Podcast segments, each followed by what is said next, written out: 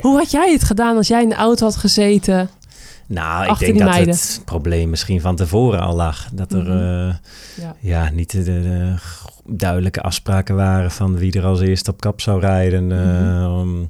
eh, ja, volgens mij hadden ze vier, vier kopvrouwen meegenomen die, die Mhm. allemaal misschien wel konden winnen. Ja. En, en wilden winnen ook, denk ik.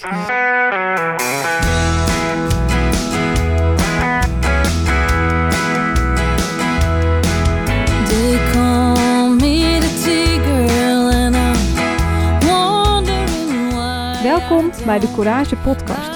De podcast waarin oud-topsporter en Olympiër Vera Koedode op zoek gaat naar verhalen achter de topprestatie. Maar wat is courage dan? Courage staat voor moed en doorzettingsvermogen. En dat is nou net de rode draad door het leven van de gasten van deze podcast.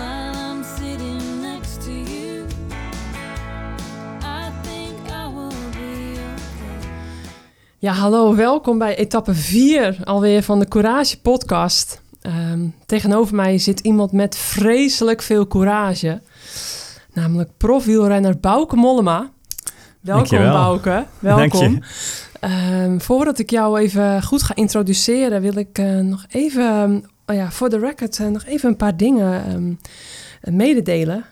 We hebben bij de eerste eh, podcast-etappe, of bij de eerste etappe van de podcast, we hebben Maureen Westerhuis en Esra Tromp als winnaressen nog eh, gehad, eh, die eh, eh, via de social media berichten Lopke Berghout hadden geraden als onze allereerste gast. En daar hebben we nog een, een prijs voor. Namelijk klasbaksokken. eh, mede mogelijk gemaakt door, door snellesokken.nl. En een eh Courage koerspet. Een echte koersklakske. Die is, eh, die is voor Esra Tromp.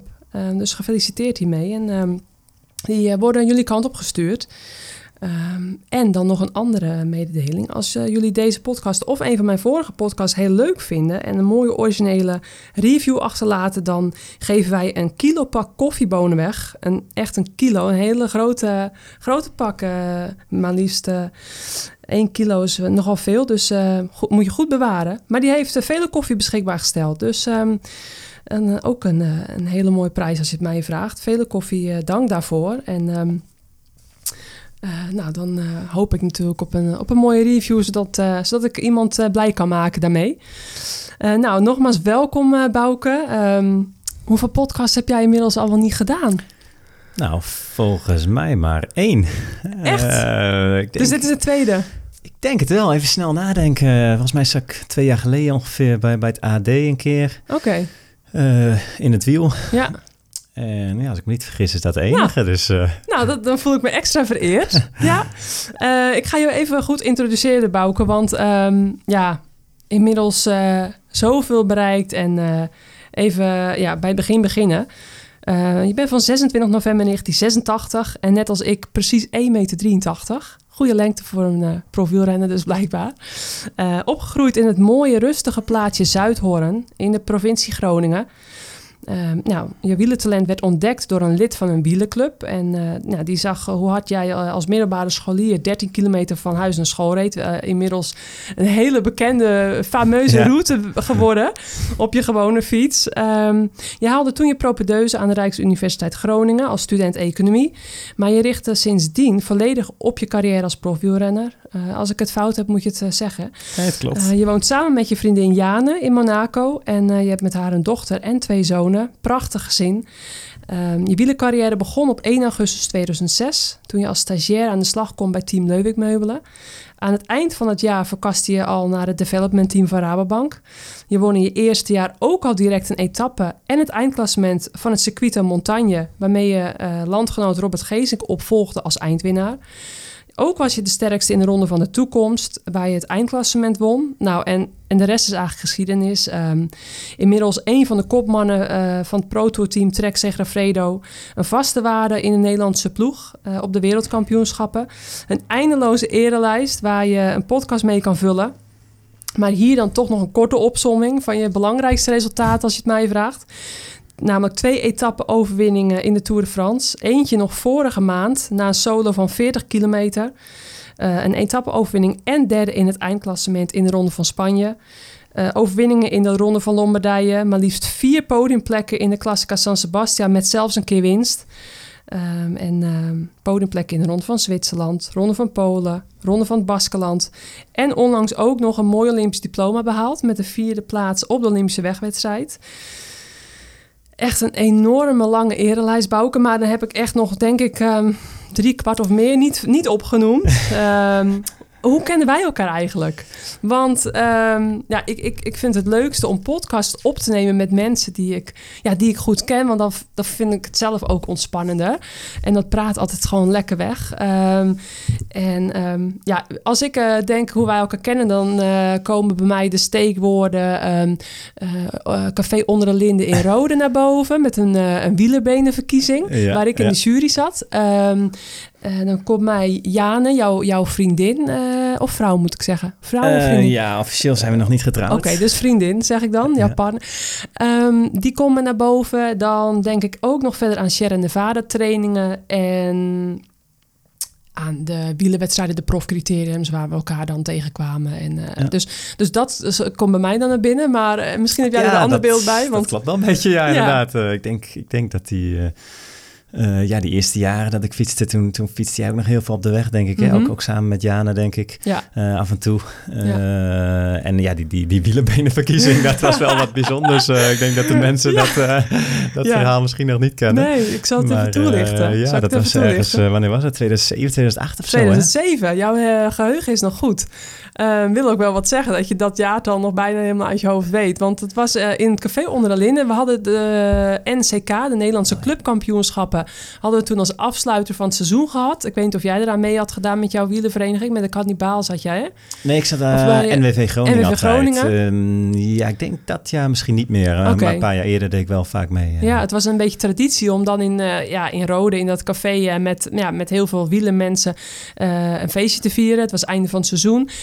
En ik werd gevraagd of ik in de, in de jury wilde zitten. Uit mijn hoofd was dat met Rudy Ottens, de bekende wielenfotograaf, en eh Danielle Bekkering, een bekende en ook wielrenster geweest. Nou ja, prima joh. En toen eh, nou, gingen er een paar... eh, het, ja, het sloeg eigenlijk nergens op. Er gingen gewoon mannen op, een- op een biljarttafel staan. Nee, dat klopt. Waaronder dus Bouke Ik denk Mollema. dat eh, iedereen wel een paar drankjes op had op dat ja, moment. Ja, ehm, nou ja, en, en onder andere ik heb jou blijkbaar toen al als derde mooiste wielenbenen ingeschaald. Ik, ik, ja, ik herinner me volgens mij gewoon hele dunne benen.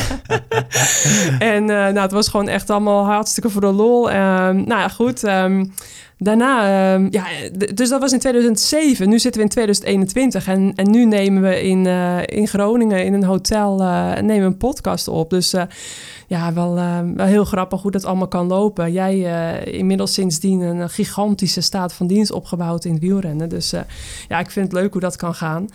Eh, nou ja, goed, Sharon en Vader noemde ik al op. Daar hebben we toen samen ook een Ja. paar trainingen gedaan. Ellen van Dijk was er toen ook bij. Dat Ehm, was voor de Spelen van 2016, ja, denk ik. hè? klopt. Ja. Ja, en eh, we waren daar beide op hoogtestage. Ellen en ik, die gebruik mochten maken van jouw soigneur ook. Oh, ja.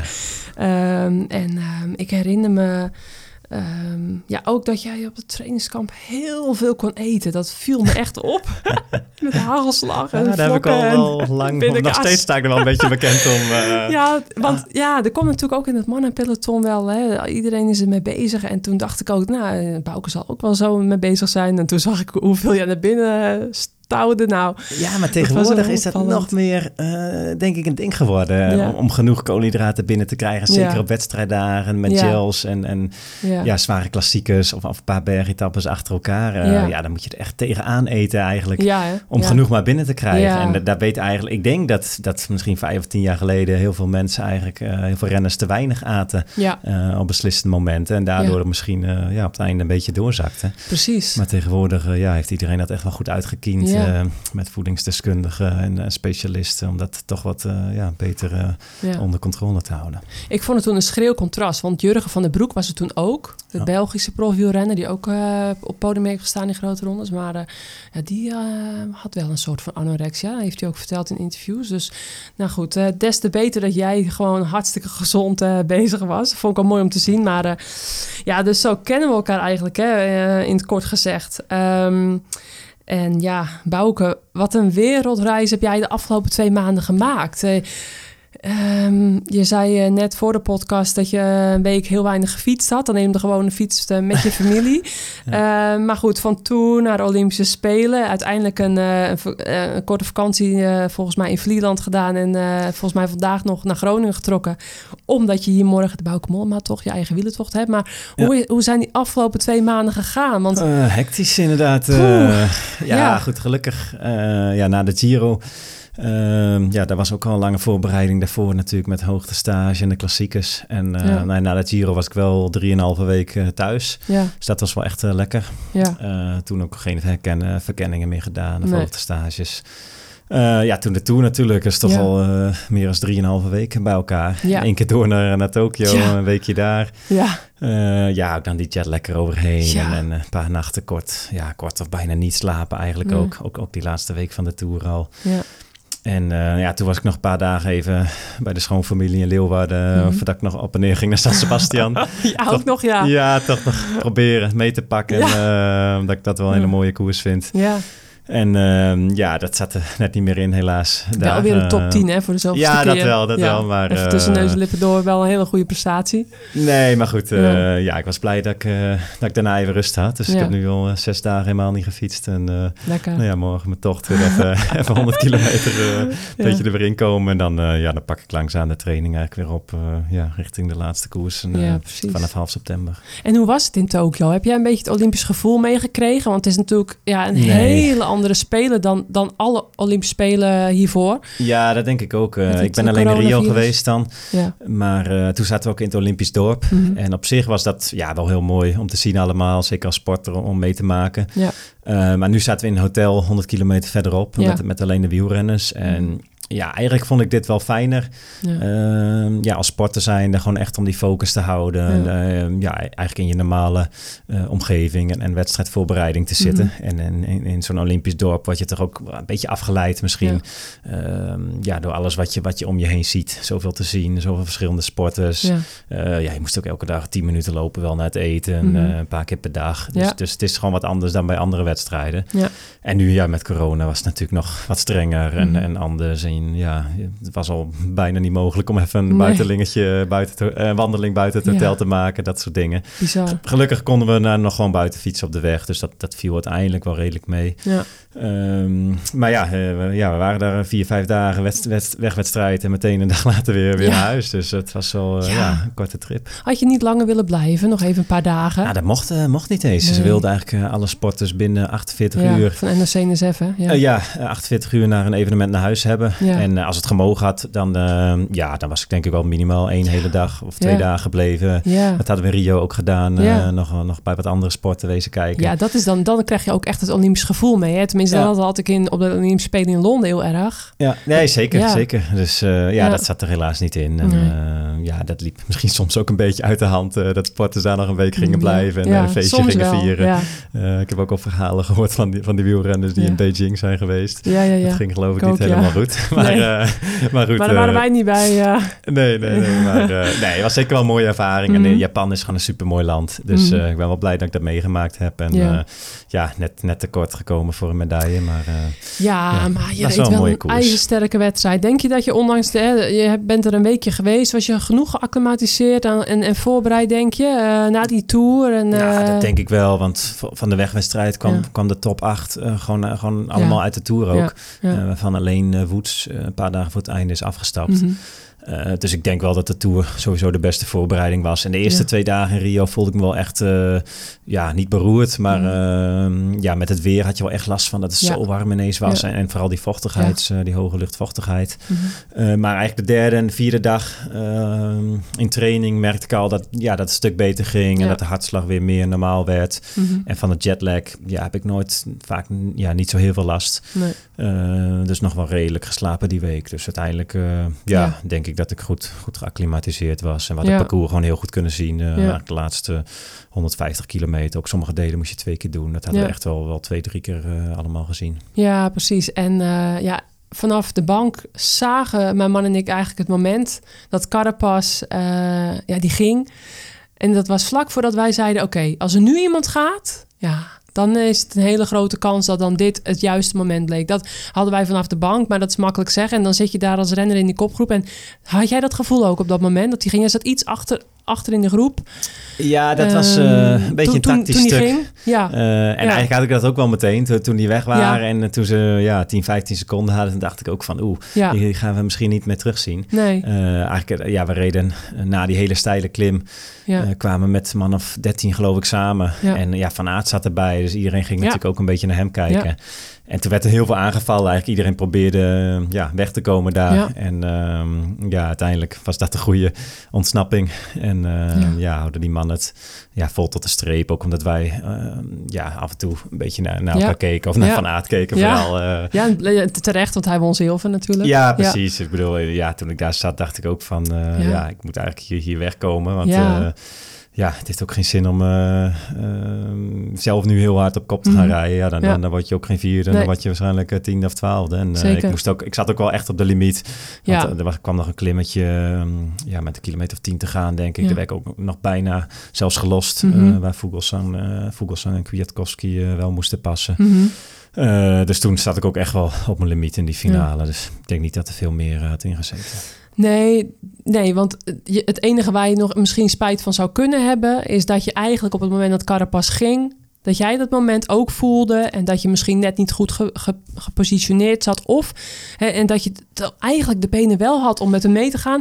Maar als je gewoon... eh, Want Ja, ik denk het- dat heel veel mannen op de limiet zaten... op het moment dat hij ging. Ja, het was wel een beetje op het vlakke. Dus als je dan Ja. natuurlijk in het wiel zit en de rest Ja. valt stil, dan ben je misschien wel mee. Maar Ja. ik dacht later ook wel van, zelfs als ik daar mee zat, ja. dan had ik, eh, was er nog 30 kilometer, eh, zo'n beetje tot de Mhm. finish, of net iets minder.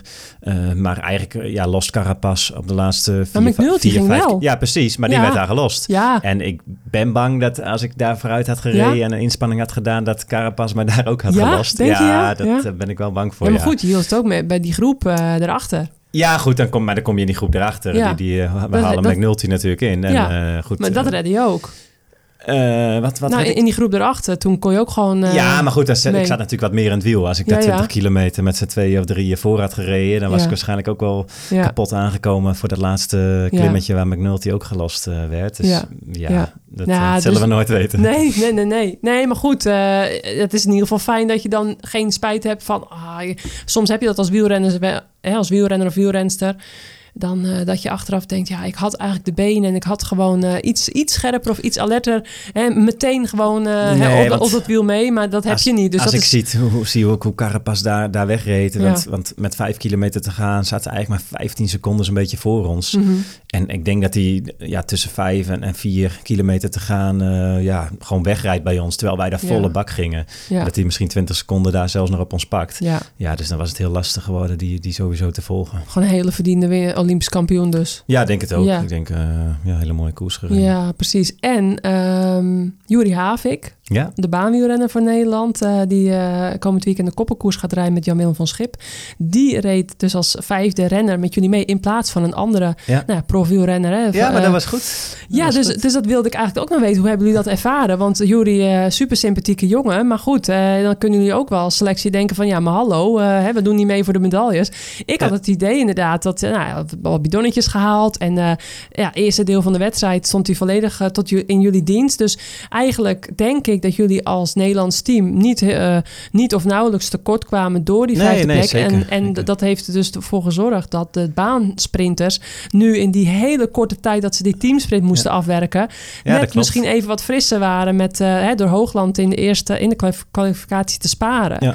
Ja, nee, dat denk ik ook. En, Dus, en eh, voor ons, kijk, natuurlijk in het begin toen, toen ze daarmee kwamen, ja, dan, dan, dan baal je ergens een beetje. Van, dan, dan weet je ook nog niet precies hoe die plek eh, Nee. ingevuld zou worden. Of misschien zouden we zelfs met, met vier man gewoon starten in Mhm. plaats van vijf. Ja, Eh, maar uiteindelijk, ja, denk ik dat dit een hele goede, goede Ja. keuze is geweest. Zowel Ja. voor de baan natuurlijk, maar Ja. ook voor ons. Want ja, ik heb in ieder geval heel veel aan, aan Jury gehad. Eh, de eerste 120, 125 kilometer, eigenlijk Mhm. tot de voet van eh, Mount Fuji. ja, Ehm, ja, zat hij er nog bij. En heeft Knap. hij echt ja, heel vaak bidonnen gehaald, inderdaad. Ja, ja ook eh, als, ik- als ik een keer moest plassen van de fiets, Ja. heeft hij me geduwd. En, en, en het is ook wel fijn dat je iemand hebt, zeg maar, ehm, ja, die weet dat hij die, Ja. die rol heeft. Ja. En ja, als je een, een vijfde klimmer als het ware mee hebt, in ieder geval op dit parcours, Ja. eh, was dat waarschijnlijk gebeurd. Ja, dan, dan denkt hij misschien toch ook een beetje aan zichzelf. Ja. En dan hoopt hij misschien in een ontsnapping te komen ergens in de finale of, Ja. of stiekem op een uitslag. En eh, nu had je echt gewoon iemand ja. die zich 100% wegcijferde Ja. ja. voor het ploeg. eh, ja, zowel voor mij als ook Ja. voor de anderen. En zeker in dat warme weer door, door Ja. vaak bidonnen te halen. Ja. Dus dat was eigenlijk super, super fijn voor ons. Dus Ja. op die manier kwam de rest van de ploeg ook ja, net iets frisser in de finale. Ja, precies. Dus nou ja, fijn dat dat een hele goede keuze is geweest achteraf. Hè. Het is ook altijd maar weer eh, kijken hoe zoiets uitpakt. En nu maar hopen dat Jury natuurlijk ook eh, op de baan eh, straks zijn specialiteit gaat doen in de koppenkoers. Ja, ik hoop het. Dus ehm, ja, nou en, en op die Olympische Spelen ehm, reed jij op een hele gave fiets van Trek. Dat is ook het persoonlijke item wat jij hebt meegenomen. Nou ja, ja, je hebt meegenomen, want je gaat er morgen op rijden. Nou, Ja. dat, dus die staat hier. ehm, en ja, je, je mag hem houden, hè, die fiets. Nou, ik moet hem wel kopen. Oh, echt? Nee, ja, joh. dat is wel jammer. Maar, Meen je? eh, Wel voor nou, een vriendenprijsje, neem ik aan. of? Ja, dus eh, in ieder geval, ik denk, nou, misschien een derde van, eh, van wat die nieuw kost. Je hebt er zoveel promotie meegemaakt. Zelfs in deze podcast gaan we hem promoten. Moeten we hem wel promoten? Maar, eh, nou, we kregen voor, voor de Spelen, het gaat natuurlijk voor alle trek-atleten. Ja. Eh, ja, zowel eh, Ja, mountainbike. eh, mountainbike, weg. eh, weg, wielrennen, Ja. dan, eh, ja, dat is het denk ik. Ja. En die kregen een ja, speciale eh, editie Ja. Eh, eigenlijk voor de Olympische Spelen. En van tevoren werd gezegd, als je een medaille pakt, ja, dan Mm. mocht ze hem denk ik hebben. Ja? Of houden. Nou. En eh, dan moest hij wel eerst trouwens naar Amerika eh, naar trek om ja, tentoongesteld te Oh, worden. Ja. In Wisconsin of misschien Mhm. bij, bij een trekdealer. en dan Ja. zou je hem later, kon je hem wel, wel overnemen. Maar anders dan, dan mochten we hem kopen. Dus ja, dat ga ik, ga ik in ieder geval wel doen. Een Olympisch diploma. Nou, ik zal me niet vragen wat je ervoor moet geven. Nou, oké, we, we gaan hem even goed even een beetje promoten. Ehm, dan moeten ze het bij je, je eigen ploeg maar eh, recht trekken, vind ik hoor. Zeg maar dat, ik het vind. nou, in ieder geval, ehm, die, die track eh, Olympische editie is eh, First Light, heet die. Het is een uniek, heeft een uniek kleurenschema. is geïnspireerd op het land van de reizende zon. Met handgeschilderde kleuren, linten in goddelijk blauw, roze, goud en rood... die in lagen onder een paars getint logo in elkaar overvloeien. Het hemelse kleurenschema zal deze zomer te zien zijn op het materiaal van diverse topatleten. Dus tijdens, eh, tijdens de Spelen in Tokio. Nou, dat hebben we allemaal eh, gezien. En het is exclusief verkrijgbaar op de Madonna SLR, Emonda SLR en de Supercaliber. Dat zijn dus de... ja, dat is een mountainbike Ja, eh, precies. Dat zijn allemaal bij. Nou goed, ehm, het is leuk dat ze het doen.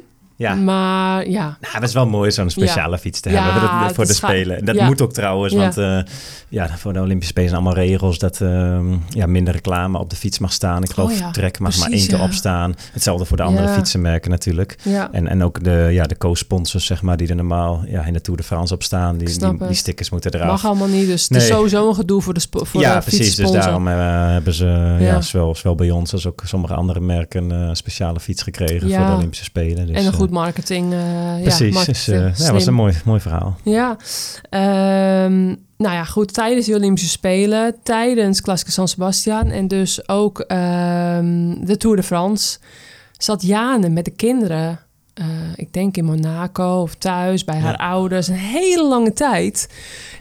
Jij had een hartstikke mooie, waardevolle periode in je wielercarrière. Maar goed, al die tijd. Ik bedoel, ja, ik heb dan twee kleine, kind, kleine kleintjes van tien maanden en van eh, bijna drie. Ehm, nou, die van jullie zijn iets ouder, want jullie jongste is dan iets ouder dan onze oudste. Ik weet hoe zwaar het is met twee kinderen. Nou, en Jane heeft er dan drie. Ja. Ze zal ongetwijfeld vanuit alle hoeken ehm, ehm, nou, hulp hebben, maar ja, jullie familieleven. Ik ben wel benieuwd hoe jullie, ja, hoe jullie dat managen als gezin. Want het is niet zomaar wat, ehm, ja, ook voor haar. Kijk, zij, nee, zeker, zeker. zij is wielrenster eh, geweest, dus ja, eh, ik ja heb- wij zijn van jongens af aan, nou, ja, in ieder geval al heel lang bij elkaar natuurlijk, Ja. vanaf het begin van Ja, dat, dat vind ik dus mooi. Dat wilde ik nog zeggen. Ja. Want ik weet dus dat Jane, daar heb ik meegereden bij de nieuwelingen en de juniorenmeisjes.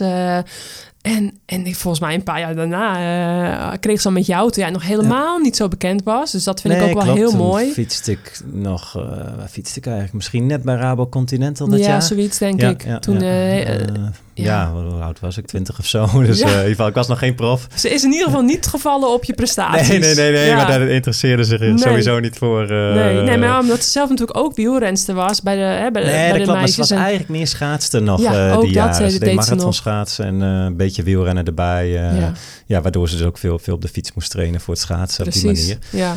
Dus En, jullie eh, sportiviteit bracht, bij, hè, brachten jullie bij elkaar? Ja, dat ik? wel inderdaad. Eh precies, eh, in het begin een Ja. beetje daten en een keer samen schaatsen en fietsen. Dat soort, dat soort dingen inderdaad deden we toen. Ja, Maar ja, goed, nu al inderdaad heel lang samen. Ja. En, ja, goed, zo, zo'n ro- grote ronde, als je echt vier weken weg bent met spelen, dat is natuurlijk ook wel heel lang. En Ja. goed, ze heeft inderdaad gelukkig hulp en we hebben veel oppassen en een nanny Mhm. thuis. ja. Eh, gelukkig zijn ze nog wel een keer in de Tour een dagje langs geweest, eh, Mhm. die rit van de Van Toe. Oh ja. Eh, Maar ja, niet het- bij jouw etappe-overwinning, want toen had je een filmpje ook Nee, online klopt. gezet, hè? Die- voor de tv zaten. Ja, ja, ja, toen waren ze weer thuis. Ja. Ja, twee dagen eerder, toen ik ook in de kopgids, Ja. kopgroep zat naar de Van. Toe en derde werd. was eigenlijk wel heel jammer, Ja. want daar stonden ze onderweg. En eh, zaten bij ons in het hotel na die etappe. Dus ik heb Ja. die dag daarna wel lekker met de kinderen gewoon ontbeten, s ochtends. Oh, lekker. Dus dat was wel, wel leuk en daar nog even te zien. En Ja. goed, daarna, ja, twee, drie dagen later won ik wel die rit. Dus eh, Ja. ja, was wel mooi dat, hoe zij dat natuurlijk ook beleven dan thuis. Eh, Ja. Eigenlijk in de Tour kijken ze, in ieder geval de, de, de, de etappes waar ik enige kans heb, eh, kijken ze vaak wel. dus dan ja, is snap mooi. ik. Ja, als je dan toch die reis maakt, dan... ja. ja. Nee, zeker. maar ja, goed. ehm Jane, die, ja, die dat dus dan in Monaco doet. Hè. Zijn jullie nog van plan om ooit terug te komen in Nederland? Of bevalt het jullie zo goed in Monaco? Eh, ja, bevalt ons zeker wel goed. Eh, maar ik denk wel dat we terug naar Nederland zullen komen. eh, Ja, ja, over een paar jaar of aan het toekomst. eind van mijn carrière. Ja, ja hangt een beetje vanaf hoe, hoe het gaat. En, Ja. ja.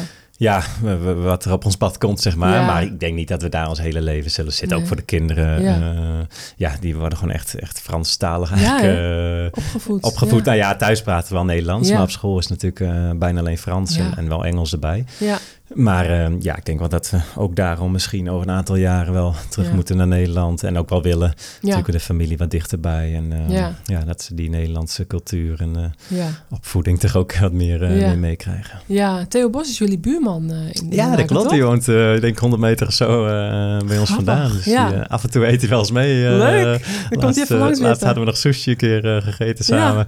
Dus dat, dat heb ik wel gemist in Japan. Want dat, Oh.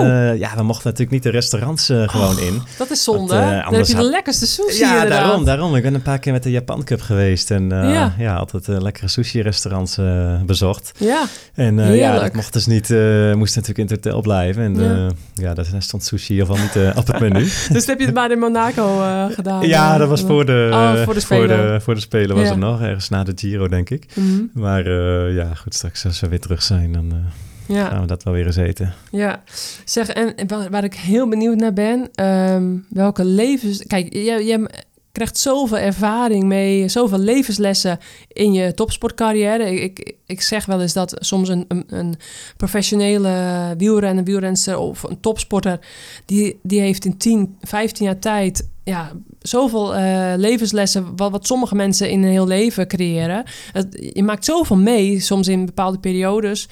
Eh, wat zou jij je kinderen als levensles mee willen nemen? De, de, de tegenslagen die je hebt doorgemaakt, de, ehm, de mooie dingen, eh, het met beide, bijna, eh, nou moet ik niet hebben woorden, je beide benen die je op de grond houdt. Wat, want, want de- zo kijk ik tegen jou aan, dat je echt ondanks al die aandacht en ja, toch gewoon ja, eh, het gezin eh, heel belangrijk vindt en met je beide benen op de grond blijft staan. Ehm, altijd vriendelijk blijft, geen capsones. Zijn dat bijvoorbeeld eh, dingen die je ze op het hart wil drukken? Ja, zeker. Eh, ik denk dat die, ja, die nuchtigheid, dat, Ja, dat zit wel in mij natuurlijk. En, ja. en dat geef je ook wel mee via de opvoeding, denk Ja, ik. Eh, ja, Het gaat er nooit meer uit. Met beide, ja, ja, en heeft dat ook inderdaad. Ja. Dus dat, eh, dat sowieso. Mhm. En ehm, ja, ik bedoel ook, ook genieten van de dingen. Als je iets leuks, leuk vindt, eh, daar, daar vol voor gaan. ja. Ehm, ja, en ik denk in de sport meer ehm, ja, die wilskracht en, en het niet opgeven. Ik bedoel, dat, dat ja, heeft mij denk ik ook heel ver, ver gebracht. ja. In, in het wielrennen. Zeker eh, ja, omdat je natuurlijk heel vaak ook wel tegenslag hebt. Dat hoort er ook wel bij. En eh, ja. als je erin blijft geloven en, en eh, hard, hard je best voor blijft doen, dan, dan komt denk ik vanzelf het moment ook ja, dat wel die prestaties eruit komen. Of, of dat je een, stap kunt zetten en eh, kunt verbeteren. En, eh, ja, ik vind het wel mooi om te zien eh, ja, dat kinderen ook wel, wel fanatiek zijn met Ja, sport. Eh, ja. ja, zeker die tweede. ja. Je kijkt ook veel de Olympische Spelen nu Ah, deze leuk. dagen. En dan Ja. ja. zaten, we, zaten we in het hotel deze week. En ja, omdat natuurlijk in Japan, of Nederlandse tijd, 's ochtends eh, heel veel sporten erop zijn. En Ja. deden we de tv net aan. En dan zit hij ook echt, ja, echt strak voor het scherm te kijken. Of naar baan, wielrennen of atletiek. Dus dat vind ik wel mooi. eh, ja, Ja. Dat, dat hij dat fanatieke zeg maar nu al heeft. Ja, dan. daar herken je jezelf Ja, wel ja, ja, dat had ik ook echt als, als kind. Dat ik altijd eh, sowieso heel veel sport keek. Maar eh, zeker de Olympische Spelen, die volgde ik echt Ja. heel erg fanatiek. Zowel de zomer- als winterspelen eigenlijk. ja. Dus dat, ja, dat heb ik eigenlijk van jongs af aan wel meegekregen. Leuk. En motiveert het jou dan ook op die momenten in een wedstrijd dat je het zwaar hebt en dat je denkt, oh ja, maar nu, eh, ik wil ook hè, zo'n toeretappe. Dan eh, gaat het dan ook door je hoofd van, oh, nu zitten mijn kinderen ook voor de tv en die zijn nu blij voor me. Denk je daar dan aan op dat soort zware momenten? Mm, niet echt. Nee. Nee. Misschien nu, toen ik die rit won, nu... Ja, ik natuurlijk een uur lang zo'n beetje, eh, bijna, bijna 50 minuten geloof ik. Ja. Of, eh, het was 42 kilometer. Ja. Ik wel echt op een gegeven moment de tijd om eh, een beetje Ja. wat na te denken. Ja, Misschien is het toen wel eens door me heen Ja. geschoten. Maar normaal, ehm, nee, dan, ben je wel echt gefocust op de koers. En dan, dan ja, dan denk ik niet echt aan het thuisfront, eh, moet ik zeggen. Maar ja, ja. Nee, precies. Dan ben je te echt taakgericht bezig. ja, precies. Ja, en je had het net ook over dat je mee wil geven, hè, dat ze ook genieten. Ehm, heb jij eigenlijk goed kunnen genieten van je toeroverwinning? Want ja, je, bent dus dat, weekje in, eh, in Tokio geweest om voor te Ja. bereiden. Maar toen zat, wa, hè, waren, was die blik alweer echt op de Olympische wegwedstrijd eh, gericht... waar je medaillekandidaat was. En dat bleek ook achteraf. En, ja, dat- maar je hebt nog wel die toeroverwinningen. Normaal ga je al die profcriteriums in. Hè, dan rij je Surhuis de Veen, Afvakam, al die criteriums af. Nu is het sowieso met corona. Ik weet niet of al die criteriums doorgaan. Of volgens mij maar een bijna aantal. Allemaal, bijna allemaal afgelast. Precies, Alleen dus, dus, eh, Huis de Veen en Acht van Kaam zijn nog in september, begin oktober. Maar Ja. is ook natuurlijk nog maar de vraag of dat doorgaat. Maar, ja, eh, maar dan word je bij de criteriums normaal gesproken gehuldigd. Hè? Als, als toerwinnaar krijg je veel startgeld en dan kun je daar ook, word je iedere keer, bijna iedere dag herinnerd Nee, aan dat die... klopt. Dat is wel jammer. Ja, maar kijk, nu, eh, ja. Ik, ja, ik wil natuurlijk in het midden van de tour al. Of Ja. ja. een beetje in de loop van de tweede week dan. Dus ik had wel die, die laatste week en, en Ja. ja. die tweede rustdag eh, had ik wel echt ja, de tijd om, om daarvan te genieten Ja. op zich. Dan, dan rij je die laatste week van de tour Precies. ook wel een stuk relaxter. Dat scheelt wel, ja. ja. ja, dat is wel fijn. Ja. Zeker die laatste week van de tour. ja. Ehm, ja, was het, was het eigenlijk wel echt heel relaxed dat ik dit etappe op zak had. En ehm, Ja. de ploeg natuurlijk ook wat, wat, wat ehm, ja, meer op het gemak was op, op dat gebied.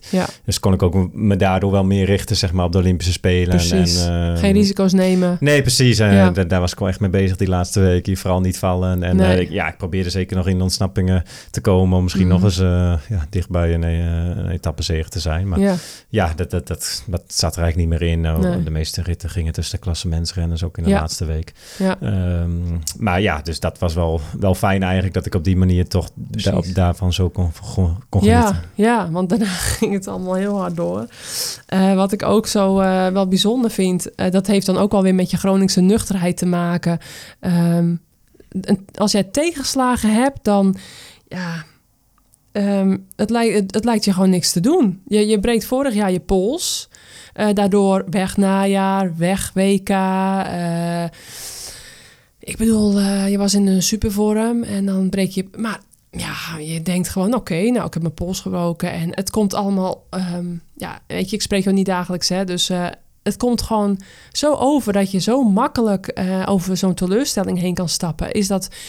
Is dat voor mij eh ogenschijnlijk? Of, of doet het hè? Of, of is het echt gewoon zo dat je met je nuchterheid eh, ook gewoon heel snel er weer overheen kan stappen? Want wat zo komt echt op mij over. Dat je zo goed daarmee om kan gaan. Ik zou echt gewoon een tijdje in de put zitten. En, en daar flink van balen. Ja, tuurlijk behaalde ik. Ja, maar, ja, maar Ja, eh, zeker in die eerste week, of de eerste twee weken, eh, zeker ook, als je het WK dan zit te Ja. kijken, daar baal ik wel echt van. Ja, Eh, ja, omdat ik echt wel ook, ook dacht dat ik op dat parcours Ja. wat, wat kon uitrichten. Ja. En, en ja, ik voelde me eigenlijk nog goed in die Tour toen ook. precies. Ehm, en, en die klassiekers die vlak na het WK kwamen, Luik toen en, en, en. Ja, Dus dat was wel echt, ja, natuurlijk heel zonde. Maar aan de andere kant, ja, als je thuis komt, dan heb, kom je sowieso weer in het ritme natuurlijk met de kinderen om je heen. En ja, je wordt afgeleid, hè? Precies, je Ja. hebt wel genoeg afleiding wat dat betreft. En en ja, op die weken was ik eigenlijk vol bezig nog eh, ja, zo snel mogelijk te herstellen. Om, Ja. om misschien de Vuelta nog te halen. En eh, Ja. ja. dat kwam net iets te vroeg. Eh, maar ja, daardoor toch eigenlijk weer ja, met de situatie zeg maar, Precies. van, van toen echt in een moment zitten en proberen te verbeteren en te, en te herstellen zo snel mogelijk. Ja, En op een gegeven moment, eh, ja, toen dat er niet in zat, heb ik natuurlijk een paar weken bijna, bijna niks gedaan Mhm. en echt, echt rust genomen, zeg maar. Maar daardoor kon ik wel weer heel, heel vroeg begonnen, Be- beginnen met, met training. En ja, dan zitten de maanden overheen en dan, ja, dan rij je eigenlijk wel een heel goed voorjaar meteen. ja, En, en ja, dan- maar daar zitten eigenlijk al, wat is het, eh, vier maanden misschien tussen, Ja. tussen die val. Dus dan Mhm. ja, denken mensen van, ehm, ja, je, je, je, je pakt je snel op of, of je gaat goed met die tegenslag om. En Ja. ja, misschien heb je, heb je dan ook wel de goede mindset uiteindelijk gehad. Mhm. Maar er is natuurlijk wel een hele ja, lange periode al overheen gegaan. Misschien helpen dan ook jouw thuissituatie daar dan mee. eh, Ja, dat is zeker Dat je dan zo. ook wel inziet, oké, ik heb nu mijn pols gebroken. Maar ja, het is eigenlijk ook niet het ergste. Ondanks dat, dat je natuurlijk een verantwoordelijke job hebt. En hè, ja, het wielrennen is jouw broodwinning. Maar hè, dus het is eh, heel belangrijk dat je lichamelijk eh, gezond blijft. Maar eh, ja, dan zie je toch misschien ook alweer al heel snel de relativiteit van het leven. En dat ja, het familieleven uiteindelijk ook door moet draaien. En dat je ja, daar Ja. ook weer Nee, in mee klopt. moet gaan. Dus, dat klopt zeker. Dus ja, je hebt ook ja. eigenlijk geen tijd om dan Nee. een beetje zagrijnig Nee. op, de, op de bank te gaan liggen de nee, hele het dagen. is anders dan dat je in een leeg huis komt, denk ik. Ja, precies, Ja. precies. Dat lijkt me ook wel moeilijker wat dat betreft. En Ja. ja. nu moet je gewoon de kinderen weer naar school brengen. Ja. eh, een paar dagen later al naar sport. En dan ja, kom je gewoon weer eigenlijk min of meer in je gewone ritme. Ja, En ehm, ja, dat is eigenlijk ook wel eens lekker. Eh, ik was geloof ik vorig jaar een keer... Toen, toen was de familie al naar Nederland gevlogen. En toen was ik nog drie dagen of zo eh, alleen thuis. Mhm. En dat is zo, zo stil dan. Ja. Dat ben ik echt niet meer gewend. Nee, dat is echt... ja, helemaal met een groot gezin in pri- principe. eh, Met Ja. z'n vijven ben je behoorlijk... eh, Ja, dan, ben je echt zo, zo, ja, zoveel tijd heb je eigenlijk ineens. Ja. En, en het is echt, echt zo gek. En, wil, en ook meer rust in principe natuurlijk. Maar uh, mm, af en toe wel eens lekker misschien, maar... ja, af en toe is dat wel eens lekker. dan. Maar ja, tijdens een trainingskamp eigenlijk heb, je, heb je die rust natuurlijk ook. Ja. En, heb je ploeggenoten weer om je heen? Ja, dat wel. Maar Ja. soms een hoogtestage of zo. Ja, doe ik ook wel eens alleen. Of Ja. met, met een paar andere renners. Mhm. Maar eh, dus op die, eigenlijk op die momenten dan, dan voel je pas hoeveel rust je dan eh, eigenlijk hebt. Dus dan, Ja. ja. dan voelt soms een, een trainingskamp eh, Als- als, als een soort van vakantie. vakantie eigenlijk. Ja, ja, ik herken het. Ehm, ja, dus jouw geheim is eigenlijk gewoon voor de mensen die te lang in een, in een tegenslag blijven hangen. ehm, ja, eigenlijk gewoon eh, zoek je je dierbaren op en eh, ga daar... eh, Ja, en je, en je doelen weer, weer verzetten. ja. Ik bedoel, maar het klinkt heel simpel, hoe je het zegt. Ja, maar Ja. proberen in, in het nu te leven misschien. Ja, en en ja. het heeft geen zin eigenlijk om terug te kijken. Nee, je kan en niet meer terug. ja, je kan je beter focussen op wat je wel invloed op hebt. En eh, Mhm. wat je kunt veranderen. En ja, voor de toekomst dingen anders te doen. Maar Ja. dat, Ja. ik denk dat dat zeker helpt om eh, ergens Zeker. overheen te stappen. Zeker. Je had het net ook over die hoogtestages, hè, waar je dan tot rust komt. Ik heb, jou toen, eh, ik heb toen in de Sierra Nevada ook met jou getraind. Ehm, en daar was je dan ook hè, met, met Frank Slek eh, onder andere, toen, wij, toen ik daar met Ellen van Dijk ook was. Is dat je, een van je favoriete trainingslocaties? ja, ik vind het daar helemaal fantastisch in Spanje, in Andalusië. Het is echt mijn lievelingsgebied. Ik kan daar zo van genieten. Zo, zulke mooie natuur. Ehm, ja, eh, of heb jij nog andere plekken? Want jij kwam daar wel graag volgens mij in de Sierra Nevada. dit jaar ben ik ook weer geweest in het voorjaar Ja. voor, voor de Giro. Ja, ik vind het een qua trainingsgebied op zich mooi. Mhm. Er zijn wel heel veel andere mooie gebieden, denk ik ook. Ja. Eh, ja, het- soms eh, moet je natuurlijk die laatste klim Ja, wel heel, heel, heel Die is vaak 30 omhoog kilometer, hè? Ja. Ja, je kunt er nog van verschillende kanten een Mhm. beetje doen. Ja. Eh, maar eh, in ieder geval van de zijkanten. ja. Eh, ja, maar ik, ik denk dat ik daar vaak goed op reageer ook. Mhm. Ik denk die hoogte daar, eh 2300 meter, dat ja, doet Ja. me eigenlijk altijd goed. Ehm, eh, ja, ook, ook die sporters daar. Je zit toch in een sportcomplex. Dat vind ik altijd wel leuk om te Ja. zien. Eh, ja, heb je wat, wat, wat om je heen te, te kijken eigenlijk. Ja, Ja. Als je alleen in een hotel zit. eh dat doen ook wel andere renners iets verderop. Ja, dat, dat is misschien wat saaier. Mhm. Dus ik vind het eigenlijk wel fijn dat je ja, wat meer, meer te zien hebt, zeg Ja. maar. En misschien wat aanspraak soms met andere, leuk. andere sporters. We, gingen trokken met die Noorse triatleten. Zaten we Oh, dit ja. jaar ook wel. Zijn we Leuk. nog eens mee uit eten geweest. Ja, ja, dan krijg je er ook wat andere ja. ehm, ja, inzichten soms. Of, of, of zie je hoe andere sporters dat doen. Dat vond ik wel mooi, eh, mooi om te zien. Ja, En eh, ja, er zijn zoveel mooie plekken Ja, eigenlijk. Ik, ik Ja, train ook heel zo. graag thuis hoor. Ja, Eh, rond, rond Monaco. Nice. eh, ja, train heel veel in Frankrijk natuurlijk. En, en ook in Italië. Dat is echt super mooi. Ook heel veel Mhm. bergop. ja. Ehm, ja, Li- Livigno, die hoek ben ik eigenlijk maar één keer geweest. En Oh, dat vond ik persoonlijk wat minder eigenlijk. Maar ja. ja, hangt misschien ook net uit, waar, je, waar je zit, in welk dorpje of, of welk hotel. En ehm, ja, maakt mij eigenlijk niet, wat dat betreft niet zo heel veel uit. Als je, als je ergens, er zijn zoveel plekken waar je bovenop een berg gewoon Ja, ja, ja. mooi kunt trainen en, eh, ja, mooie rondes kunt gaan. Ja, dus maakt hij. Je hebt niet geen eh, uitgesproken favoriete plek. Nee, eigenlijk Nee. niet. Nee, Nee. ik ga eigenlijk maar, maar één of hooguit twee keer per jaar op, eh op hoogtestage. En ja, meest, de laatste jaren ben ik het meest in Sierra Nevada geweest. Ja.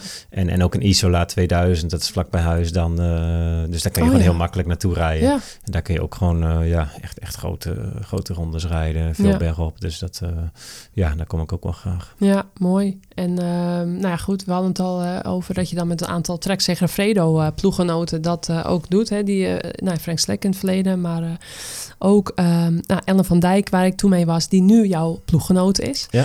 Ehm, daarnaast nog Lucinda Brandt en Shirin van Androoy als Nederlandse rensters. Dan Koen de Kort nog als Nederlandse mannelijke ploeggenoot. Die nou ja, helaas laatst maar liefst drie vingers is verloren in eh auto-ongeluk. En eh, gisteren een groot interview met hem ook geweest. Die inmiddels dan ploeg, als ploegleider is aangesteld bij jullie eh, team. En, ja, geen eh, ploegleider, maar oh, een soort van... een- eh, te- ja, noem je het precies? Support manager? of Oh, eh, oké.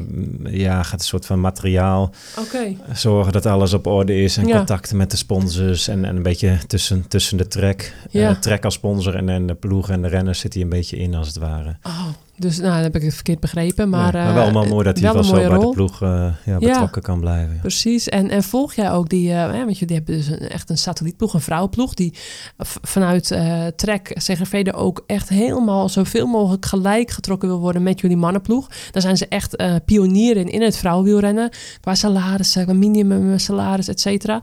En hoe kijk je daar tegenaan? Volg je het vrouwenwielrennen ook? En, ook een belangrijke vraag, heb jij de Olympische wegwedstrijd van de vrouwen ook nog eh, Wat vond je daarvan? dus ik heb nou eigenlijk twee vragen. Hè? Dat doe ik ja. eh, journalistiek eh, gezien niet goed. Nee, maar Want ik dat, had eerst, dat eh, is laat, prima. laat het eerst even houden op van eh, volg je het vrouwenwielrennen überhaupt? ja, steeds En meer dus eigenlijk. Ook door die meiden die het nu bij jullie ploeg Ja, hebben? sinds we die ploeg hebben, dit is nu het derde jaar denk Ja. ik, eh, moet ik zeggen, volg ik het dameswielrennen wel steeds meer. Ja. Want eh, ja, wij doen meestal ook de trainingskampen eh, ja, volledig samen. Ja, Dus, dus hetzelfde, hetzelfde hotel. En ja, vaak gaan we nog wel één, één keer samen met, Ja. met een hele grote groep fietsen. En, en eten we ja, een beetje door elkaar heen, zeg Mhm. maar. eh, mannen en vrouwen, zeg maar, aan tafel. Ja. Dus je, ja, je leert die, die vrouwen dan ook veel beter kennen natuurlijk. Ja. En, eh, en ja, dan denken jullie allemaal, god, wat trainen jullie veel. Dat, dat, trainen, dat denken wij. Ja? Over de dames. Niet? Eh, Eh, ja, sommigen wel. Ja. ja. Sommige, het, het niveauverschil is, is er wel Ja. behoorlijk, eh, moet ik zeggen. Sommige, Ja. zoals Ellen, die traint Mhm. echt misschien wel net zoveel als, als de mannen. Ja. En die kan dat ook aan natuurlijk. Mhm. En, en er zijn ook, ook ja, wat jonge dames dan tussen. Of, of, of anderen die een stuk minder trainen. Of, of wel een niveauverschil zeg maar, Mhm. hebben. Eh, maar ja, daardoor krijg je natuurlijk ook wel meer interesse zeg maar, in het Ja. dameswielrennen. En dan ga je die uitslagen wat meer volgen. Ja. En, en de laatste jaren is dat ook ja, iets vaker op de televisie natuurlijk. Ja, Eh, er zeker. zijn ook wat meer wedstrijden. Eh, waar wij ook ja, dezelfde dag of, of een dag van tevoren of daarna koersen. Ja, er komen Dus, steeds meer wedstrijden bij. Ja. Dus ik vind dat wel, wel leuk om te zien inderdaad. Ja. Ik volg Leuk het om te meer. horen. Ja. En de Ja. Olympische wegwedstrijd heb ik ook, ook gezien natuurlijk. ja. Dus toen waren we Hoe nog in, Tokio. Ja, god, dat was wel, was wel wat, moet ik zeggen. Dat, jij eh, kent ook een groot gedeelte van het parcours. Het eerste Ja, deel, het- dus... het, eh, het hele gedeelte ja, ze deden, de vrouwen deden dan niet het hele laatste Nee, dat weet ik, maar, stuk. de- de- maar wat zij dan, de- Ja. wat voor hun de finale was, deden wij ook. ja, precies. Dus je kent het hele Eh, parcours wel. precies. Ja, precies. En, eh, ja. Ja, goed, dat waren wel ja, bijzondere tactieken, in ieder geval, om het zo maar te noemen. Ja. Eh, Dat, eh, ja, soms denk je van, wat, wat gebeurt hier allemaal? Dat, eh, Ja. dat het toch wel heel anders aan toe gaat dan, eh, dan in de koers van ons. Ja, ja, bijna ja, rond de 11, 12 minuten kreeg, kreeg de kopgroep. ja, ja precies. Ja. En eh, ja, goed, ik snapte niet dat Met die, Anna die zoveel, de eh, wiskundige, die zich heel ik- minutieus ja, had precies. voorbereid op de Olympische Spelen. Dat was allemaal op social media te lezen. ja, Hoe had jij het gedaan als jij in de auto had gezeten? Nou, ik denk die dat meiden? het probleem misschien van tevoren al lag. Dat er Mhm. Ja. ja, niet de, de- de duidelijke afspraken waren van wie er als eerste op kap zou rijden. Mhm. ja, volgens mij hadden ze vier, vier kopvrouwen meegenomen die, die Mhm. allemaal misschien wel konden winnen. Ja. En, en wilden winnen ook, denk ik. Ja. Ehm, ja, dat er niet van tevoren, misschien had je daar al rekening mee kunnen houden door iemand anders mee te nemen die, eh, Mhm. ja, die, die gewoon puur in een dienende rol, zoals een Jury Havik bij Ja. ons, zeg maar, mee, mee zou rijden. Ja. Ehm, ja, Echt en- iemand voor die eerste twee uur. ja, precies. Dat Ja. eh, was misschien achteraf natuurlijk is makkelijk praten. Mhm. Ehm, maar ik vond het wel bijzonder dat op een gegeven moment gingen ze op, een beetje op kop rijden. Ja, dan reden, reden ze allemaal vier of vijf minuten op kop, geloof ik. Dat heb ik nog nooit gezien, eh, dat soort tactieken. Dus dat was wel heel speciaal. En Ja. Ja, ja toen begonnen ze natuurlijk met aanvallen. En, Ja. en, eh, toen Annemiek daar wegreed, Mhm. ja, toen was het nog, hoe lang was het toen nog? 60 kilometer of zo? Of Mhm. 50, ja, best wel ja, ver. zoiets. Ja. Toen dacht ik echt van, oh, dat ziet er goed uit. En ze reed een snelle minuut af, maar... ehm, Toen stagneerde dat. Precies, toen viel het stil. Ja. En dan, dan was het natuurlijk wel zaak om eh, Ja, één of twee dames echt zich leeg te laten rijden. En, eh, en proberen, ja, of voor Marianne Vos of, of voor wie dan ook eh, te rijden. Ja. En dat zag een beetje knullig uit nu natuurlijk eh, Ja. in die finale. Mhm. ja, zonde hè? Ja, zonde. Ik bedoel, ik denk dat ze wel echt... eh, eh, ja, natuurlijk de benen hadden. Eh, Marianne won natuurlijk de sprint daarachter. eh, Ja. ja, Voor plek vijf, ja. Precies, voor plek 5. ja, en ook Annemiek. Die, dat, ja, dat vond ik ook echt heel bijzonder om te zien. Dat je daar eh, 20, 30 kilometer tussen Ja. rijdt alleen. Ja, En dat je dan nog gewoon de tweede kunt worden. Dat, is, ja, Ja. dat snap ik eigenlijk niet. Ik bedoel, Nee. je zou zeggen, als je, als je niet meer dichterbij komt... en je wordt weer ingelopen, dat je dan leeg bent. ja. En dat je, eh, ja, mm, maar zeg maar, reed meteen weer van- mee vooraan eigenlijk in Ja. die groep. En, en rijdt op het einde zelfs, eh, zelfs nog weg. Ja, ja, het was evengoed natuurlijk een knappe, eh, knappe zilveren plek. Omdat ze helemaal nog de andere twee rensters van de kopgroep nog maar vijf kilometer voor de finish hadden bijgehaald. Dus Ja. het was sowieso penibel nog voor een medaille überhaupt. Eh, ja, knap dat ze nog zilver eruit sleept. Maar ehm, ja, al met al eh, zonde geëindigd voor de, voor de Nederlandse vrouwen. Afijn, dus als ik het begrijp, jij had in de ploegleiderswagen daarachter... had jij het gat waarschijnlijk niet zo groot laten worden hè, na, na 10, eh 11, 12 minuten. Want dat is wel heel veel in het vrouwenwielrennen met een pelotonnetje van eh 50 Ja, overgebleven dat gebeurt rensters. volgens mij niet zo heel vaak eh, bij de vrouwen. Dat soort grote verschillen. nee, no- nooit eigenlijk Kijk, zo het lastigste Ja. was wel dat je natuurlijk geen, geen oortjes hebt. En Ja. dat, ja, Ja. die regel, die snap ik eigenlijk ook niet. Nee, Wij hadden dat natuurlijk ook een dag eerder. En je bent Ja. zo gewend alle koersen met oortjes te Ja. rijden. ja. Ehm, Nou, bij jullie ging het communicatief volgens mij wel goed. Hebben, hoe hebben jullie dat gedaan? Gingen jullie af en toe ook naar de auto? nou, Naar de eerste eh, ja, 100 kilometer ging eh, Jury Havik dus Ja. heel vaak bidonnen halen. Ja. Ik heb Koos nooit gezien. Oh. ik, ben, ik ben nooit bij de auto geweest. Nee, Maar ehm, ja, die gaf dus wel in het begin aan hoeveel man er weg waren. ja, precies. Ehm, ja, ook, ook een beetje welke mannen, of in ieder geval, ja, we hoorden dat eh, dat het niet echt een gevaarlijke groep was. nee, En eh, het was wel ook bij ons, werd het, we kregen die, kreeg de kopgroep zelfs 20 minuten eh, ja, maar jullie cadeau. moesten een stuk langer, hè?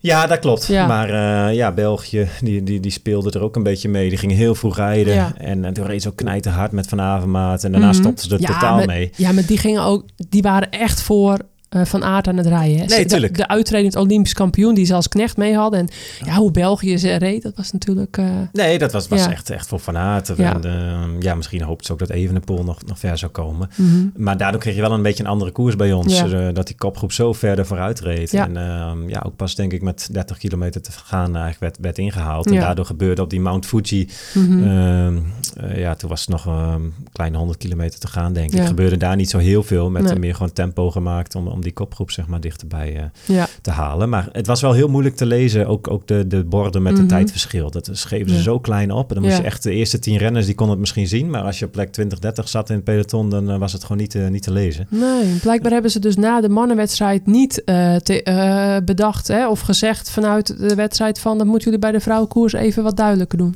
Nee, dat is Dat denk ik niet dat- gebeurd. nee. En, eh, en ook eh, trouwens waar die valpartij was, eh, waar Thomas viel... Ja, was kennelijk op dezelfde plek viel eh, een, een dame waar, waar Van Vleuten nog ja, overheen ja eh, dat was Emma Noorskaart van, eh, van Mobistar.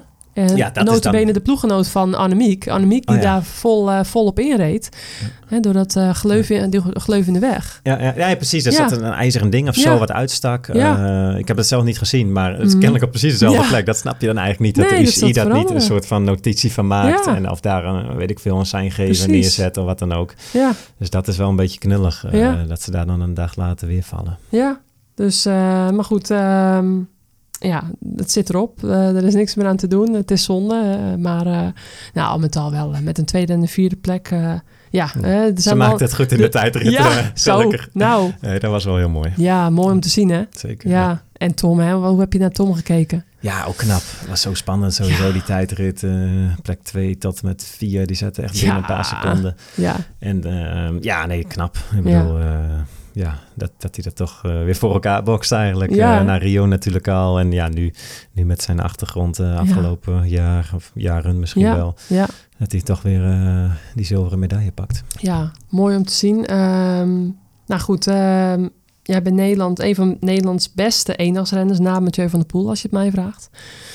Vind je toch? Mathieu van nou goed. Ja, Jullie zeker. zijn net even andere net iets andere- natuurlijk, maar- Andere koers inderdaad, maar eh, Ehm, nee, ja, hij- hij is- wat Mathieu doet, af en toe daar, zeker. dat is af en toe, eh, ja.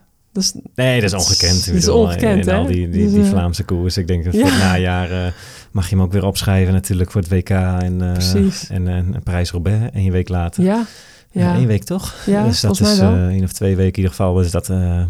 ja. knap hè. Ehm, maar goed, dus eh Mathieu is een eh, vrij jonkie nog.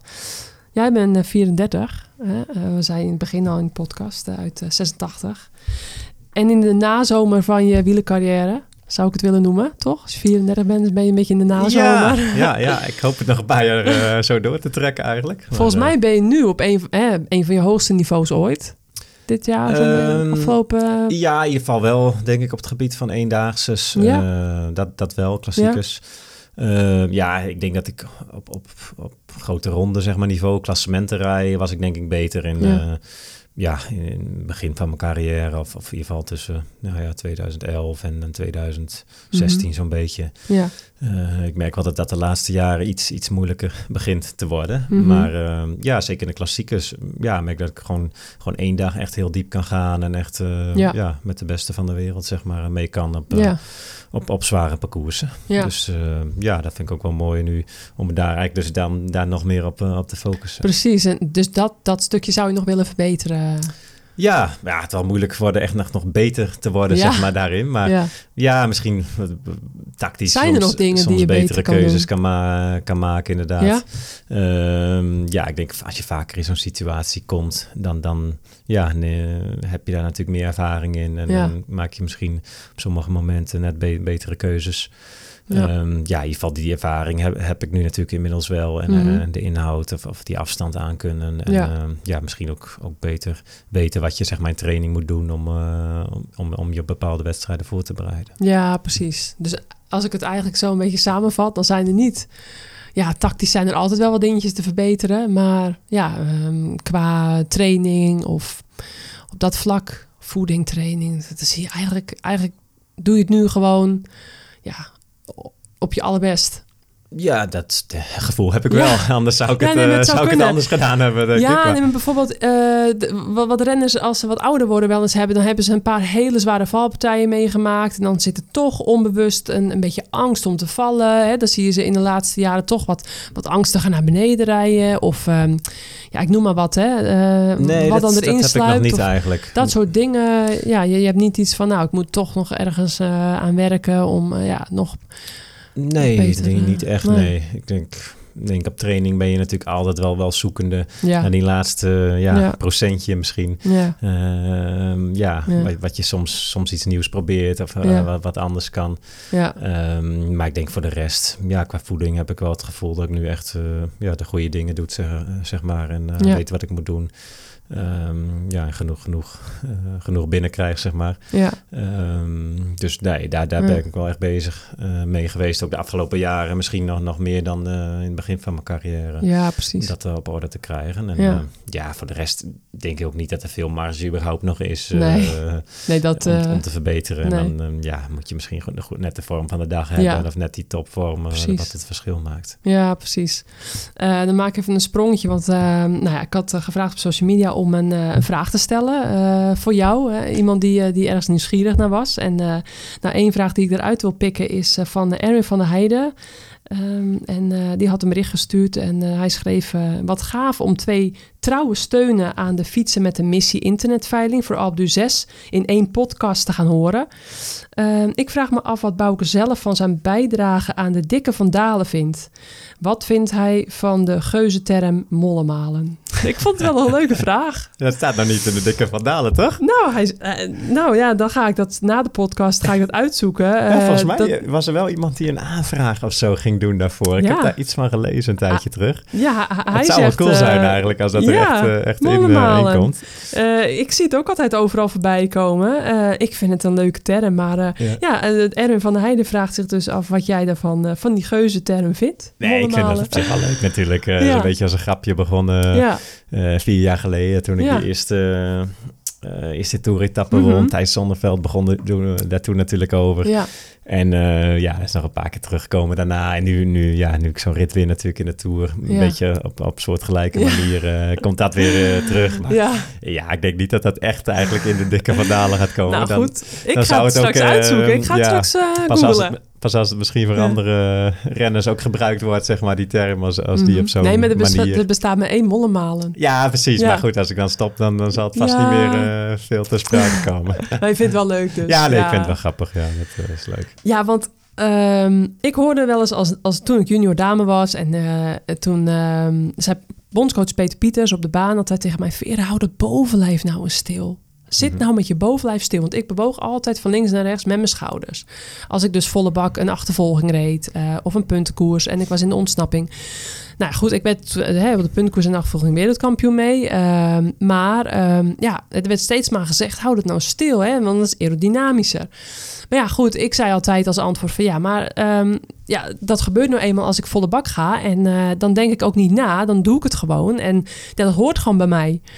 Nou goed, eh mollenmalen. eh, ja, je hebt jezelf natuurlijk wel eens teruggekeken op tv. Jij, jij hebt dat ook natuurlijk met die schouders heen en weer. En eh, nou, dat gaat van links naar rechts. En ja, het is niet het meest aerodynamische. Dat, maar maar Misschien niet, maar he- ja. hebben ze wel eens tegen jou gezegd dan van... nou, Bouke, dat scheelt je wel 10 watt per, hè? Of, of, of nee, nee, nee. Zo, dat is ook lastig Bouke, probeer het stil te houden, je bovenlichaam. Want nou, je bent van mijn aerodynamischer. carrière misschien wel een beetje Ja. bij Rabobank. Maar ik Ja. heb dat ook wel eens geprobeerd in de winter, weet ik nog wel. Dat ik dan echt probeerde... stil- Ja, maar dat doe ik sowieso veel. Ja, dat, dat, dat, heb ik jou toen ook zien doen in de Sierra. Dus, Ja, ja, dus dat heb ik altijd Ja. veel gedaan, mijn hele carrière wel. Ja. Maar dus daar ligt het eh, nee, niet daar aan. ligt het niet aan. Maar ik denk meer dat ik daar gewoon ja, meer kracht uit kan halen, zeg Ja. maar. Door, door zo te bewegen. Als Ja. ik stil moet zitten, kan ik Ja. denk ik ja, die krachten zeg maar niet, niet, niet leveren. nee, En- helemaal en- niet als je geforceerd moet nadenken. Nee, nee, dat ook nog inderdaad. En ik weet niet precies waar dat vandaan komt. Ik denk niet dat dat de zwakte of zo is in mijn, mijn rug of wat dan ook. Nee. Misschien, ja, mijn hamstrings eh, ja, zou het nog mee te maken kunnen hebben. Mhm. Maar, Tekort eh, dan? Of? Ja, dat zou kunnen. Die, daar heb ik de laatste jaren wel meer dat ik daar veel moet rekken inderdaad. Ja, ja om die lenigheid een beetje te, te behouden. Mhm. Ehm, maar ja, ik heb dat dus mijn hele carrière zo gehad. Dus ja, ben jij gewoon. Ik, ga, ja, precies. Ik ga ook niet met mijn best doen om dat, eh, dat nog te veranderen. Nee, ondanks die verloren wat zwing je ze even goed. Dus ehm, ehm, ja, nee, eh, ik, ik was gewoon benieuwd van of mensen daar wel eens op hamerden. Of vanuit de ploeg. Of en dat je dan dacht van, nou, daar is er weer één. Weet je, ik had het zelf namelijk wel met tijdritten en, en op de baan en zo. Ja, op eh. de baan is de snelheid natuurlijk ook nog al relatief Mhm. hoger, denk ik. eh, Ja, dan, dan op de weg, waardoor ja. de aerodynamica misschien nog Mhm. belangrijker wordt. Maar ja, Ja. ik heb, rijd liever wat, wat, wat meer wattage en, eh, en misschien iets minder aerodynamisch dan... eh, Ja. Ja. Ehm, nou goed, ehm, we zitten hier nu de podcast op te nemen. Straks gaan we nog meer kletsen eh, in het Wielencafé, waar jij eh, eh, een van de hoofdgasten bent. En waar ik dan ook met Gert Jacobs en Theo de Rooij onder andere aan mag schuiven. Ehm, dus we hebben al behoorlijk wat gekletst, zie ik op mijn horloge. Dus we gaan er zo rustig een beetje een eind aan breien. Maar morgen is dus die Bouke Mollema tocht. Eh, die gaan we ehm, met het sterrenfietsteam ook eh, mee fietsen. Met Jeroen Mantel als grote kracht eh, daarachter. Die hier, eh, net als, eh, als jij een boekje eh, zit te lezen op het bed. Hè, die, eh, die leest ook graag. En want dan sta je ook onbekend, hè, Bouke trouwens, om, eh, om lezen. Dat, dat, ja, dat zie je dat ook. komt vaak. Hè? Dat schijnt bijzonder te zijn. eh. Iedereen zit op zijn telefoon tegenwoordig. ja, maar dat jij vind ik gewoon soms wel lekker. jammer Ja, inderdaad. soms zit je ook wel, wel aan tafel Ja, met z'n allen. erg, en dan, eh, goed, het eerste half uurtje Ja. heb je genoeg te bespreken. Maar eh, ja. Ja. soms gebeurt het wel eens dan, dan op een gegeven moment... eh, meer dan de helft van de renners een telefoontje pakt en, eh, en op gaat zitten. En en ja, ook in de bus natuurlijk veel. En op de kamer sommige renners ook. Maar. Komen we daar ooit nog een keer vanaf, denk je? pff, ik, ik, hoop weet het het. niet. Ik hoop het ook inderdaad. Het lijkt me ook niet echt goed. zeker die jonge generatie, die Nee. groeit er natuurlijk ook echt mee op. Ja, En, en, en ja, die is er volgens mij ook moeilijk vanaf te, te raken. Als je dat eenmaal urenlang achter zit. En, ja, ik, ik vind dat wel moeilijk als je soms... eh je, ik zie die echt ook, ook dan nog allemaal series erop kijken. En, Ja. eh, echt, echt urenlang voor het slapen gaan Ja. nog naar zo'n scherm zitten te kijken. Ja, Ja. lijkt mij ook niet echt, echt gezond eigenlijk. eh, Nee. Ja, moeilijker om om slaap te komen of, of voor je ogen. ja. Dus eh, Dan heb ik een interessante YouTube-documentaire voor je. Die ga ik straks doorsturen. En die kun je met Jane kijken. En dan weet je vooral ook wat het met je kinderen doet. oké. Ja, En, wij proberen we echt... zo min mogelijk schermtijd te hebben eigenlijk thuis hoor. Ja, Dus, eh, heel ja, slim. we hebben Heel wel een slim. iPad natuurlijk en eh, ja. af en toe krijgen ze die wel, maar Ja. ja, ja niet, eh, niet uren per dag in ieder geval. Nee, precies. Eh, maar goed, eh, ja, je houdt in ieder geval heel erg van lezen. En eh, nou, dat, daarom heb ik ook ehm, voor jou een, eh, een boekenbon eh, Oh. als dank eh, voor jouw aanwezigheid in deze podcast. Dankjewel. Ehm, ehm, maar laten we nog wel eventjes de Bouke Mollema-tocht nog even last but not least bespreken. Hoe is die tot stand gekomen? Want het is nog niet zo heel lang, volgens mij een jaar of vijf of zo nee, dit is de achtste de editie achtste al. alweer. En oh, ja, vorig jaar ging het uiteindelijk net niet door. Nee, ja, corona. dat was eerst uitgesteld en toen... eh, ja, in oktober begonnen de besmettingen weer toe te nemen. Ja. Dus moest die net weer afgelast worden een week Ja. van tevoren. Mhm. Dus dat was eigenlijk jammer. Ja. Eh, maar ja, hoe kwam dat? In 2013 was denk ik de eerste keer. Ehm, ja, was net na die, die tour van, van Bouw en Lauw. eh, Ja. Die Oh, ja. bijzondere tour. Ja, Ehm, ja, hij stond natuurlijk al op de planning toen van tevoren. Mhm. Maar ehm, ja, was goede kwam- timing. Ja, was goede timing Ja. inderdaad. Dat, dat, dat kwam goed uit. En ook, ook hier vanuit Groningen altijd ja, over mijn eh, te fietsen. Ja. Ehm, toen woonde ik denk ik in Leeuwarden nog. Mhm. Maar in ieder geval, ja, altijd jarenlang eh, in Groningen gewoond. Ja. En vanuit hier, hier nog gestudeerd en, altijd getraind en bij de wielerclub gezeten. ja. En eh, ja, over mijn trainingsroutes te fietsen en ook een soort van fandag als het ware te hebben. Ja. Ehm, en dat, ja, dat kwam zo heel, heel goed uit. En Ja. ja, ja super mooi dat, ja, ik begin denk ik het eerste jaar al duizend man zo'n beetje meededen. Zo. En, ja, op een gegeven moment zelfs, zells meer dan 2000 eh, sommige jaren. Ja. En ehm, ja, ik denk dat het alleen maar goed is. Ja. Ehm, ja, dat mensen op de fiets stappen, zeg maar. Ja. Eh, niet, niet alleen mijn tocht, maar welke, welke tocht dan ook. En Ja. eh, op die manier eh, ja, met, met de sport en met beweging in aanraking komen. Ja, zeker. Ja, dus er is gewoon een, een groep mensen geweest die, die zeiden hè, vanuit de club misschien. Of, zeggen, joh, we gaan het doen. de naam kwijt van Of was je eigen idee? het- nou, van, van mijn management eigenlijk zeg met oh ja, eh, een andere organisator van Tourtocht. Ik ben even zijn naam kwijt. Ehm, ja, later heeft, heeft Le Champion het een aantal jaar georganiseerd. oké. Eh, en inmiddels, eh, ja, voor het eerst nu met Janssen Event eh, Sportmanagement hier, hier een bureau uit de regio, Mhm. die ook veel toertochten organiseren, Ja. die het over hebben gepakt. En ehm, ja, maar in ieder geval is, is, is de, het principe een beetje gelijk gebleven. En, Ja. ja, fietsen, fietsen vanuit Groningen, altijd verschillende afstanden. En, Ja. Mooi. Ja. ja, een beetje gezelligheid ook nog onderweg en, en bij finish eh, altijd. het is hier prachtig. Ik heb hier heel veel gekoerst. Dus, Ja. Eh, Ja, op die, die routes is het ook, de hè? middag Humsterland. Ja, heb ik twee keer gewonnen, de klassieke. Ah, kijk, en eh, ja, dan hadden we de energiewachttour. Dan heb ik al een etappe gewonnen. En dan eh, ook allemaal ja, in, in deze regio. Ja, precies. Veel mensen kennen deze regio natuurlijk niet als, als ze uit de rest van het land komen. Nee. Dus ja, ook een mooie manier om, om ze Groningen zeg maar, te laten zien. Ja, en, het is prachtig. Ja, dat je hier ook mooi, mooi kan fietsen. En Ja. natuurlijk de stad zelf ja, als, als, als trekpleister hebt voor een uitje van, van weekendje weg. Ja, heel mooi. Ja, het, het, het, het is gewoon heerlijk rustig. Ik bedoel, als je ja, de Randstad, eh, daar ben ik zelf nooit vrolijk van als ik, eh, als ik ga fietsen. Dus als ik dan hier zo morgen rondrijd, een week gewoon van tevoren, dan kan ik gewoon ook wel genieten. Zonder stoplichten en dingen. Dat Ja, vind ik zelf ook altijd heerlijk. Dus eh, nou, ik kijk hartstikke ernaar uit om vanavond nog even verder te kletsen in het wielencafé. En, en morgen natuurlijk de tocht te rijden met ons sterrenfietsteam ook. En hartstikke leuk dat we hier ook mogen zijn. En nou, we zijn alweer echt een tijd aan het kletsen. En we moeten zo meteen eh, moeten voortmaken om eh, snel nog te eten voordat we het wielencafé hebben. Dus eh, we gaan er een einde aan maken. Ehm, nogmaals hartstikke bedankt dat je hier ja, dat je in de Courage podcast aan wilde schuiven. Zo gezegd, dus een, een boekenbon waar je een mooi boek van kan, kan halen. En dan de Courage koerspet natuurlijk. Die wordt dan ter beschikking gesteld door Bierrace. Eigenlijk mag je die niet op, maar ik denk dat Jaan, want Jaan, jouw, jouw partner die fietst ook eh, op de racefiets, hè, dus dan kan zij hem eh, mooi opdoen eh, Nou, als ze leuk. dat wil. Dankjewel. En, ehm, en dan kan ze vol overgave met courage kan ze een ritje maken. Tenminste, heeft ze daar tijd voor met drie kinderen. Eh, ja, thuis wel. Want als de kinderen naar school zijn vooral. Dan, ja, dan pakt ze lekker zelf de fiets. Ja, ze gaan nu na de zomer ook alle drie. gaat de jong, jongste ook naar school al. ja, dus, precies. Ja, Ja. dan kan je mooi fietsen lekker, eh, ja. lekker Zo. op Monaco. Mooi. Nou, ehm, heel veel plezier ook morgen bij je, je eigen wielentocht. Hè, bijzonder hè, dat, je die, eh, dat je die ook kan doen. En eh, heel veel succes in de rest van het seizoen. Dankjewel. Dus ehm, ja, we gaan het eh, allemaal blijven volgen. En eh, nou, iedereen bedankt voor het luisteren. Ehm, en ik hoop eh, ja, op een leuke review. Want, zoals ik al in het begin van de podcast zei... dan komt er een pak vele koffie naar jullie toe. Dus ja, maak allemaal een mooie review en dan, dan gaan we het lezen hopelijk. Ehm, tot de volgende keer zou ik zeggen. Top. Zo, Nou, mooie timing.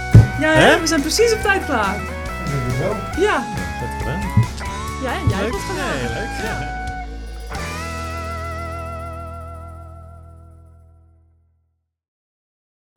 Deze podcast is gemaakt door Vera Koedoder.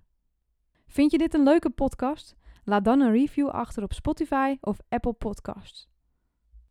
Je hoort in deze podcast muziek van mij voorbij komen. Wil je er meer van horen? Check dan Marianne Lichtart op Spotify.